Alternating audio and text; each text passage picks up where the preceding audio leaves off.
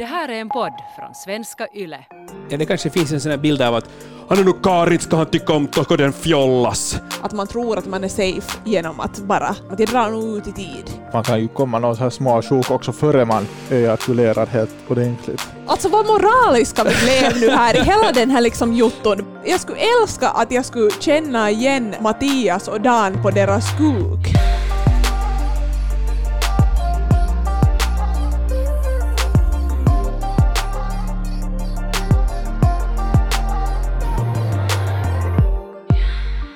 Är ni färdiga? Mm. I över 20 år så har sex och sånt... Vi har tagit emot och svarat på frågor om sex och sexualitet. Och bara för att vi har blivit en podd så inte tänker vi nu sluta med det. Nej, Nu frågorna, har vi först börjat. frågorna från er är det, som är det roligaste.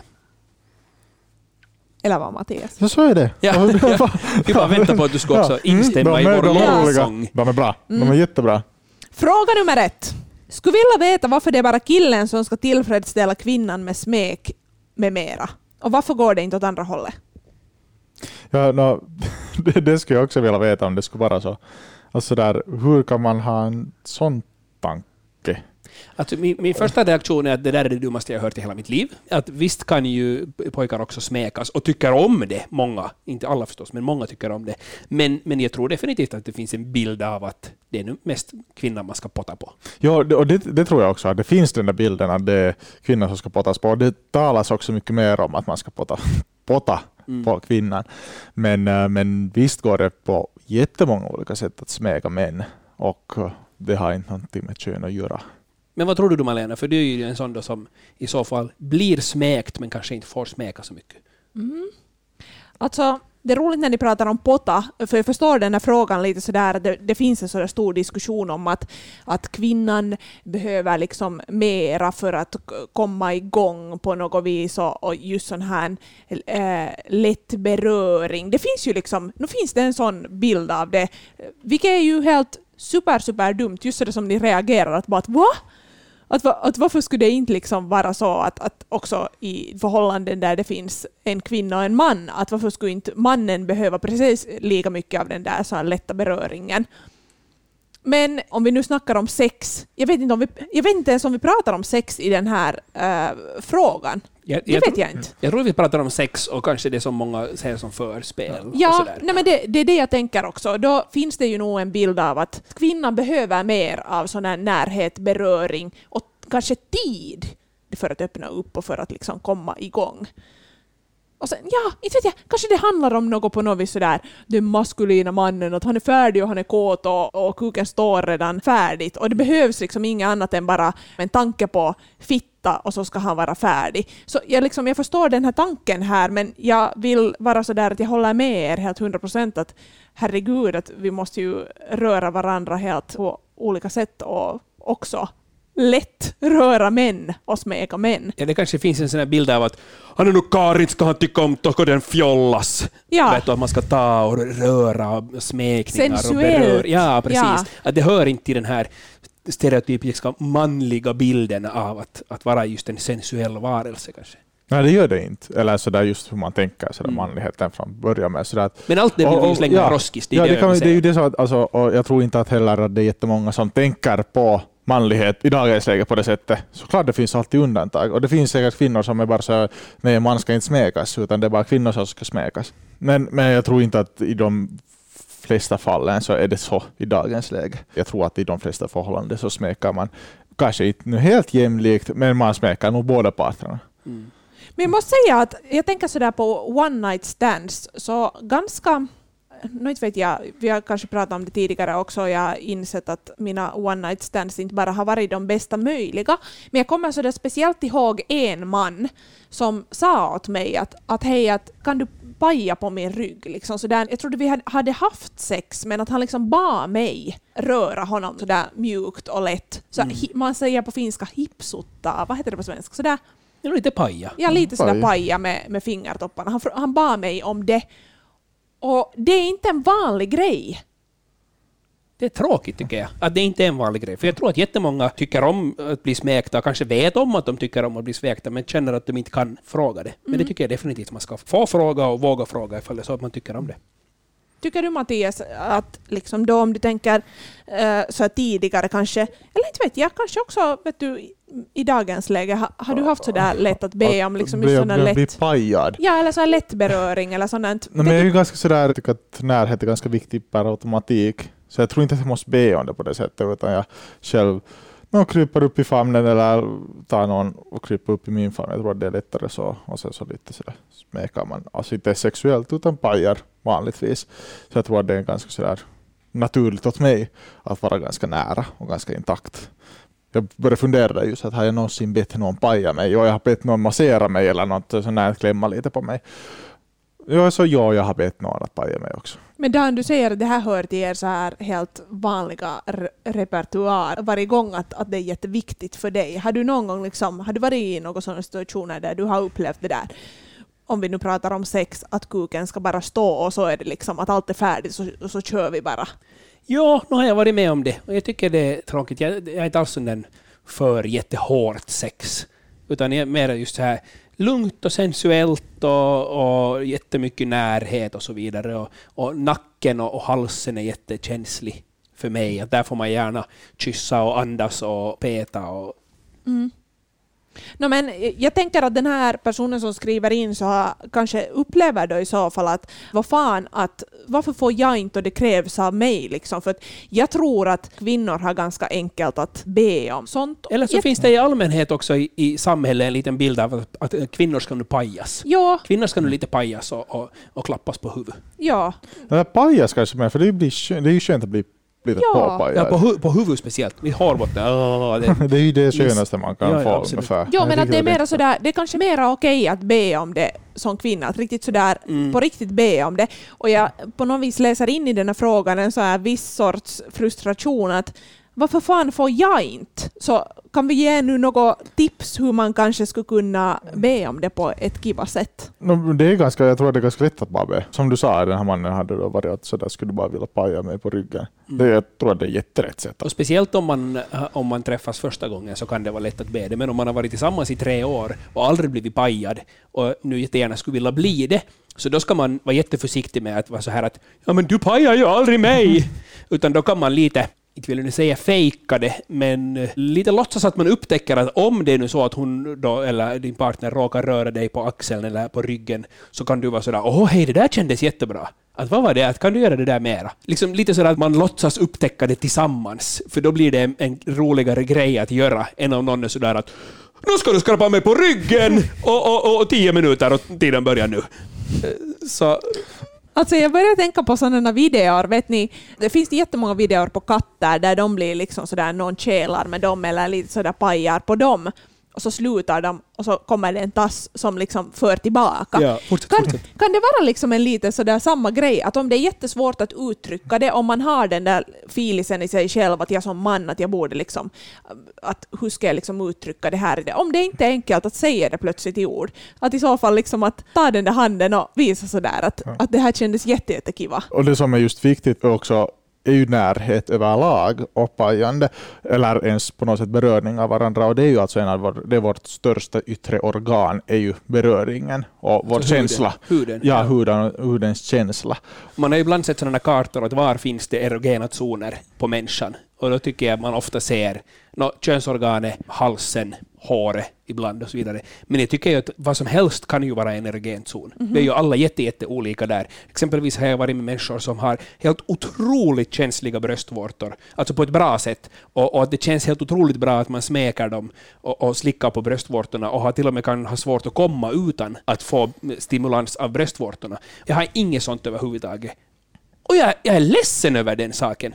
Jag skulle jätte, jätte, jättegärna vilja ha Jag tycker du ska vara ledsen över den jag är, jag är jätteledsen, för jag skulle vilja att mina bröstvårtor skulle vara så fantastiskt, att de skulle ha, ge mig en så fantastisk känsla som den ger vissa människor. Men jag har sen andra erogena zoner som jag var inne på, min, min hals och min nacke.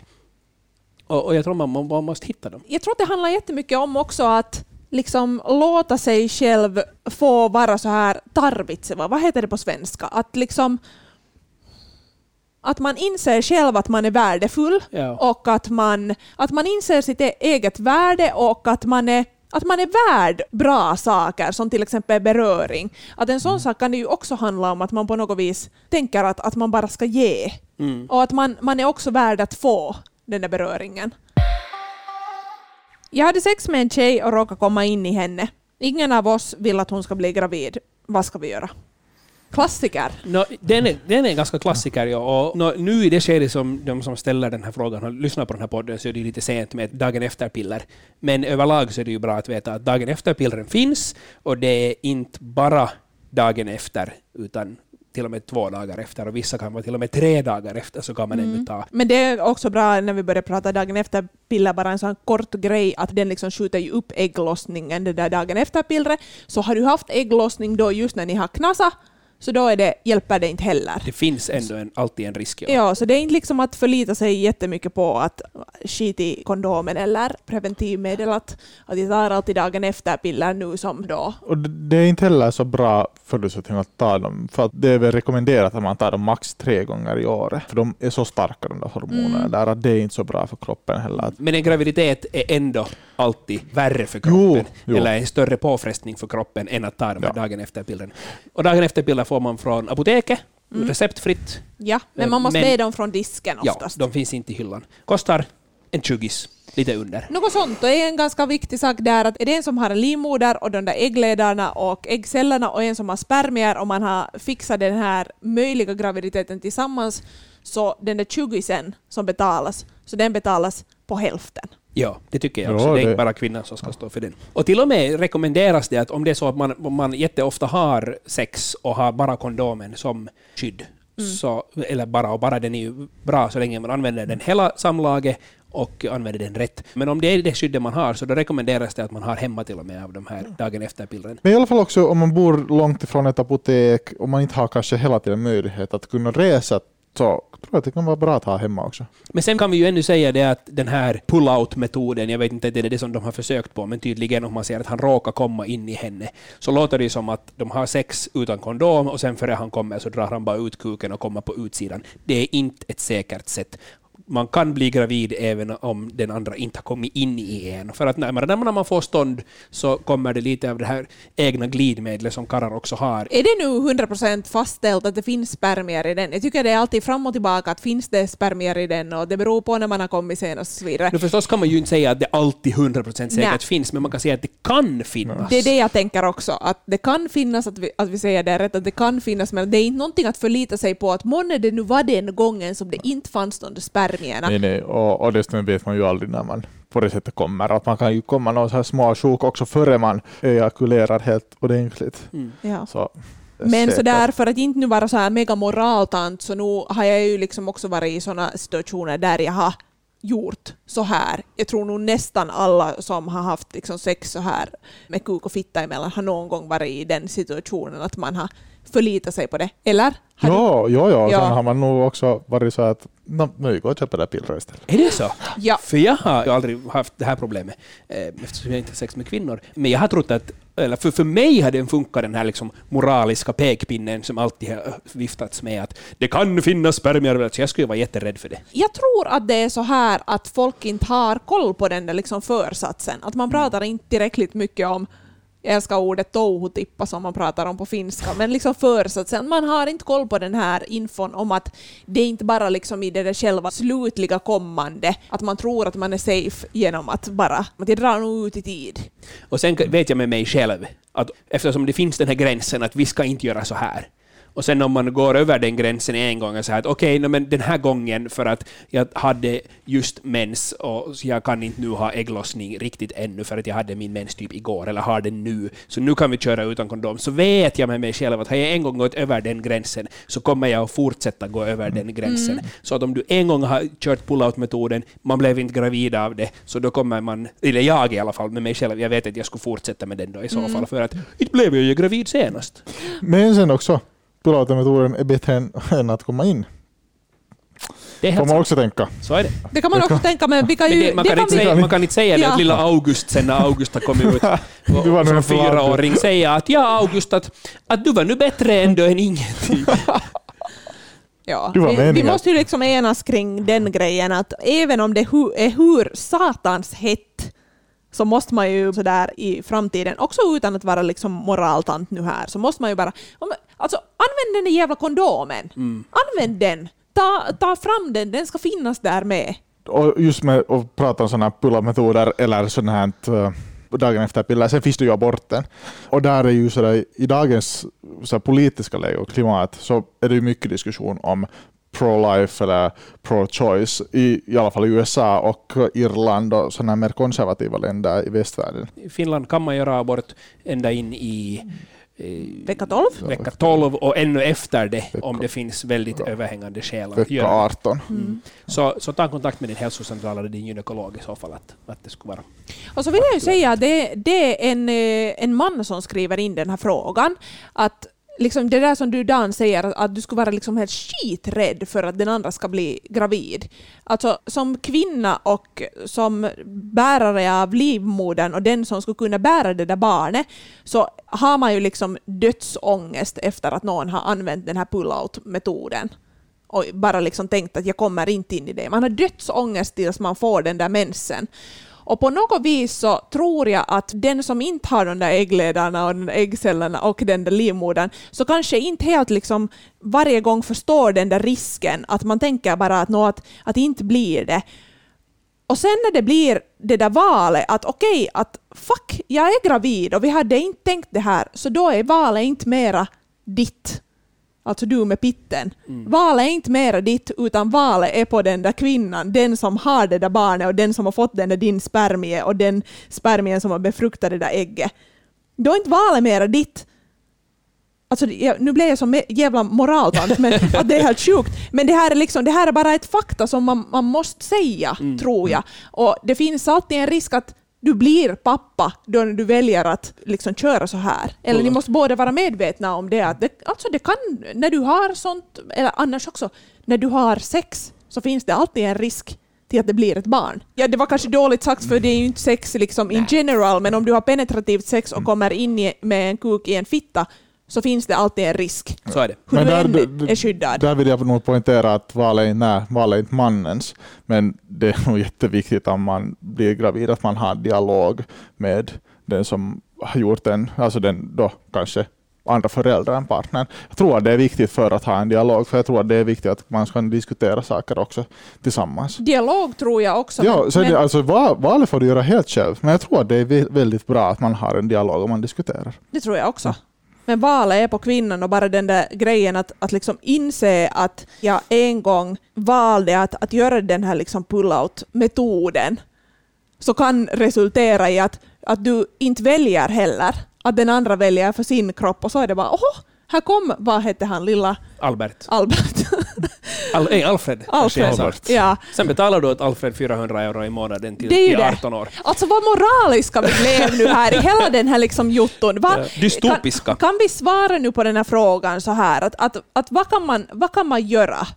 Liksom, vad kan den här personen göra? Den här personen kan i framtiden alltid ha kondomerna med, lika som i alla fall jag och Dan bär med oss alltid kondomer för tillfället. Mattias sa att alltid när han var singel så bar han också med sig kondomer, så de finns färdigt. Den här personen kan, ifall liksom det händer något drastiskt med kondomen, så kan båda parterna se till att ha med sig det där, eller ha hemma det där dagen efter pillret. Och sen, så vi skulle säga, beroende på ålder förstås, alltid bra att ha någon att prata med. Är man minderårig och kanske inte har råd att köpa ett dagen efter-piller eller någonting sånt, så prata med en förälder eller en vuxen som du litar på, för att det måste du göra ändå i något skede. Ifall det är så att du råkar bli gravid, ja. så måste du ändå prata med dem, och då är det otroligt mycket lättare att prata med dem först och säga att hej, mamma, nu har det gått på det här viset. Det här är jättepinsamt för mig att säga. Jag skulle inte alls vilja säga det åt dig, men jag behöver nu ett sådant akut p-piller och kan vi bara fixa det och sen kan vi prata om det sen när jag inte är så hysterisk. Och som förälder är det helt otroligt viktigt att veta att inte bli arg om ditt barn tar upp den här diskussionen med dig. För att den här diskussionen kommer att komma i något skede att din lilla prinsessa inte mera är en liten prinsessa som du aldrig tror att kommer att växa upp. Så bli inte arg om dina barn har sex. Det är, det, Nej, det är sant. Och det som Mattias på något vis var inne på, att, liksom att prata med den där partnern också. Liksom, om vi nu tänker det här caset, den här personen som har skrivit in. Prata med din partner om den här liksom grejen som hände och fundera för framtiden. Liksom, och bara filisar allmänt. Just som jag sa, att det kan hända att den här kvinnan kvinnan går omkring och är liksom helt skitnojig tills hon får sin mens. Var där med och liksom var som stöd och liksom kolla upp vad som händer. Går det att få en penis lite längre utan att göra ett ingrepp? Det här frågar en man. Vi hade ju ett litet avsnitt om kukstorlek och pratade lite om, om böjda kukar bland annat och hur man kan göra om man har en super, super böjd kuk. Det fanns två olika sorters ingrepp. Men att få penisen lite längre utan ingrepp, har ni något koll på det här? Jag har ingen koll. Jag har hört om några uttöjningsmetoder som handlar alltså om att sätta någon sorts tyngd, men då handlar det mer om liksom att kanske förhuden töjs ut. Jag vet inte om svällkropparna kan, kan töjas ut på det sättet, det tror jag inte, men att, att det mera är en illusion av att det skulle se liksom längre ut. Och sen, just med tanke på illusion, så finns ju det här, om du har jätte, jättemycket könshår, så då gömmer du ju kanske halva kuken. Sant? Så raka lite könshåret, ansa det i alla fall, så att det inte är jättegömt. Och sen om man eh, kanske går ner i vikt lite, det beror ju förstås på, men om man är väldigt överviktig så finns det ju ett överflöd av hud och underhudsfett på många olika ställen, också runt kuken. Kuken är ju den storleken den är, men det syns mindre av den eftersom underhudsfettet är mera och huden liksom kommer längre utåt. Men lyssna alltså på vårt avsnitt om kuken, för att Ja. där pratar vi jättemycket om det här att kukstorleken inte har betydelse. Eller den har betydelse för den som bär den själv. Och sen tror jag att en viktig grej man kan göra är att titta i spegeln, för när du ser på din kuk så ser du den uppifrån. Och det är ett annat perspektiv helt enkelt än alla andras kukar som du ser. Så att Ja. Den ser nog större ut sen när du ser den från sidan och, och sådär snett från sidan än när du ser på den uppifrån. Mm. Den blir inte längre igen i sig. Det handlar igen kanske mer om en, en illusion på ett sätt, men att lite i sitt huvud inse att, att okej, att min kuk är helt bra fast den inte liksom hänger ända till golvet. Det är inte så mycket man kan göra åt saken utan att man ska mer förstå att alla ser olika ut och alla är bra på sitt sätt. Det att vi känner igen varandra, att vi tittar på folks ansikten, är ju för att vi ser ansiktena hela tiden. Om alla på arbetsplatsen skulle gå omkring med posa på huvudet med kuken framme så skulle du lära känna igen dina kollegor på kuken, eller fittan. För att alla ser olika ut. Det skulle nog vara roligt. Men det skulle vara svårt att se. Alltså, alltså jag, skulle, jag skulle älska att jag skulle känna igen Mattias och Dan på deras kuk. Jag känner bara igen eh, Dan, dig i ljudkurvor när jag klipper den här podden. För när du säger en, kan du säga en? En. Jag hade en... eh, Ja, när du säger en så blir ljudkurvan som en kuk. Och det är jätteroligt. Och ibland säger du en, en två gånger efter varandra och så blir det dubbelpitt. Det här, ska du, det här kan du gå in och titta på vår Instagram. Jag lovar, vi sätter dit en bild. En, en. En bild från när jag säger en. Det här är inte sista gången vi kommer att ha en sån här frågepodd.